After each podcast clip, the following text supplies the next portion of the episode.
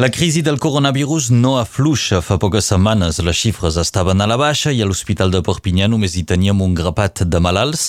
Ara ja estem a 132 pacients hospitalitzats i el nombre de contagis diaris és encara molt alt.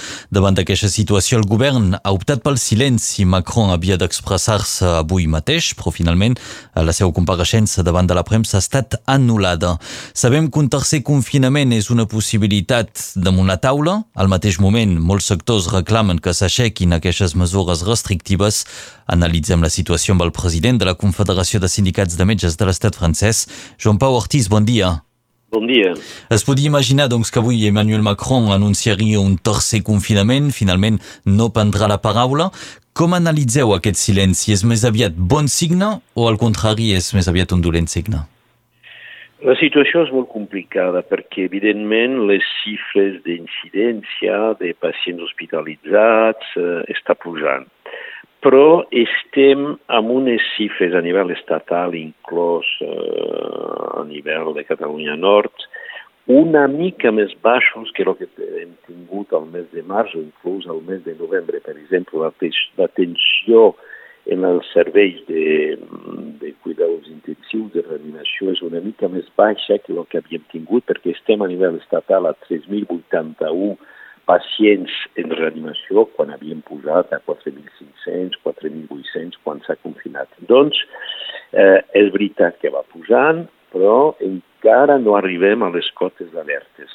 El que ens preocupa molt ara és l'arribada d'aquells variants, el variant anglès, que se n'ha parlat molt, però també n'hi ha d'altres, el sud-africà, el brasiler, ara ja surt el californià, i aquells variants que són un virus una miqueta diferent, que li dona característiques una mica diferents. Per exemple, el variant anglès és molt més contagiós, quasi bé el doble, que el, que el coronavirus clàssic, diguéssim, no?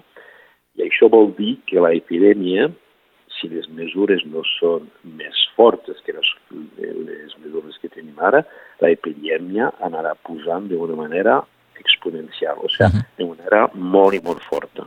L'aparició d'aquestes variants generen confusió, diríem, en, en la recerca uh, d'un remei o finalment tampoc complica tant la tasca?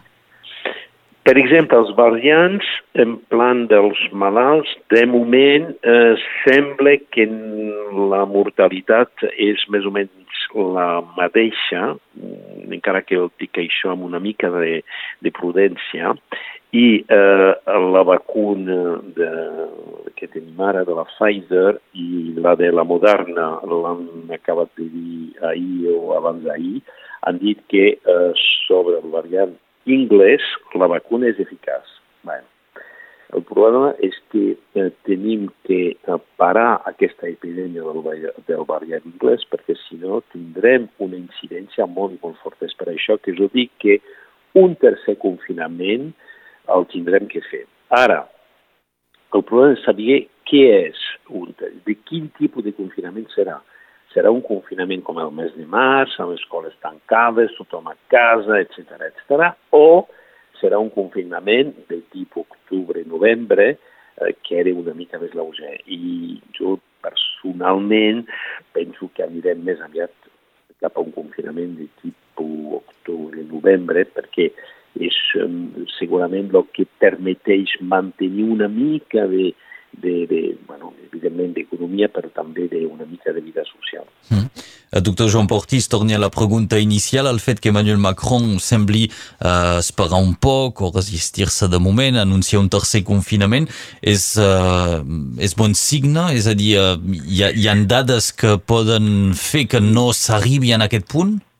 Sí, perquè és el que ja he començat a explicar, no tenim les xifres catastròfiques que teníem al, a finals d'octubre quan s'ha confinat, en plan de reanimació, per exemple, però també eh, han posat el toque de queda a partir del, de les 18 hores i els departaments que tenim un amic, perquè hi ha 15 departaments a nivell estatal que havien començat el 2 de gener, i tenim unes xifres que sembla que el toque de queda a partir de les 18 hores tenen un impacte de reducció de la, de la contaminació. O sigui, no baixen els casos, sinó que paren de pujar. Si estem en aquell cas a nivell estatal, vull dir que si la quantitat de malalts amb el toque de queda i, i de moment no tenim l'impacte en plan eh, nos falta uns dies per veure si eh, tenim aquest impacte o no. Eh, si no posem de malalts, potser podríem arribar a evitar un confinament, però el problema que jo veig és el problema del variant. I ara estem quasi bé discutint d'un confinament preventiu per evitar que el variant anglès arribés eh, per, tot, per tot arreu. Mm -hmm. Suportar les mesures restrictives no és fàcil i molta gent se demana si és necessari tanta restricció per tants pocs casos. Mirem algunes xifres. Me dieu si m'enganya. Estem al voltant de 278 casos per cada 100.000 habitants aquí a Catalunya Nord. Representa doncs, al voltant de 0,25%, més o menys. Vull dir, és, la població catalana és, és, és tocada per el, el virus, però aquest percentatge no deixa de ser una petita part no? de, de la població i, a més, la gent que és eh, contagiada també és una part mm, més petita que realment pateixen problemes i necessiten hospitalitzacions. Per això, algunes uh, persones se pregunten si realment cal tanta restricció per tants pocs casos. Primer, que no són tan pocs casos i tenim, tenim tots eh, persones que coneixem que han tingut una Covid amb incidència i, i complicacions greus, inclòs jo penso que ara eh, hi ha moltes persones que coneixen almenys una persona que s'ha mort de, de, de la Covid. Eh, la, la segona, el segon problema és que, evidentment, aquells malalts que, bueno, a, a nivell eh, de, de Catalunya Nord, quan tenim més de 100 malalts, 120 malalts hospitalitzats per Covid, això vol dir que els altres malalts no les podem acollir. Vol dir que eh, la persona que teníem que operar d'una protesi, que la persona que eh, teníem que fer un bilan d'exploració per veure per què, per exemple, fa sang a dintre de la caca, etc. Tot això ho aplacem.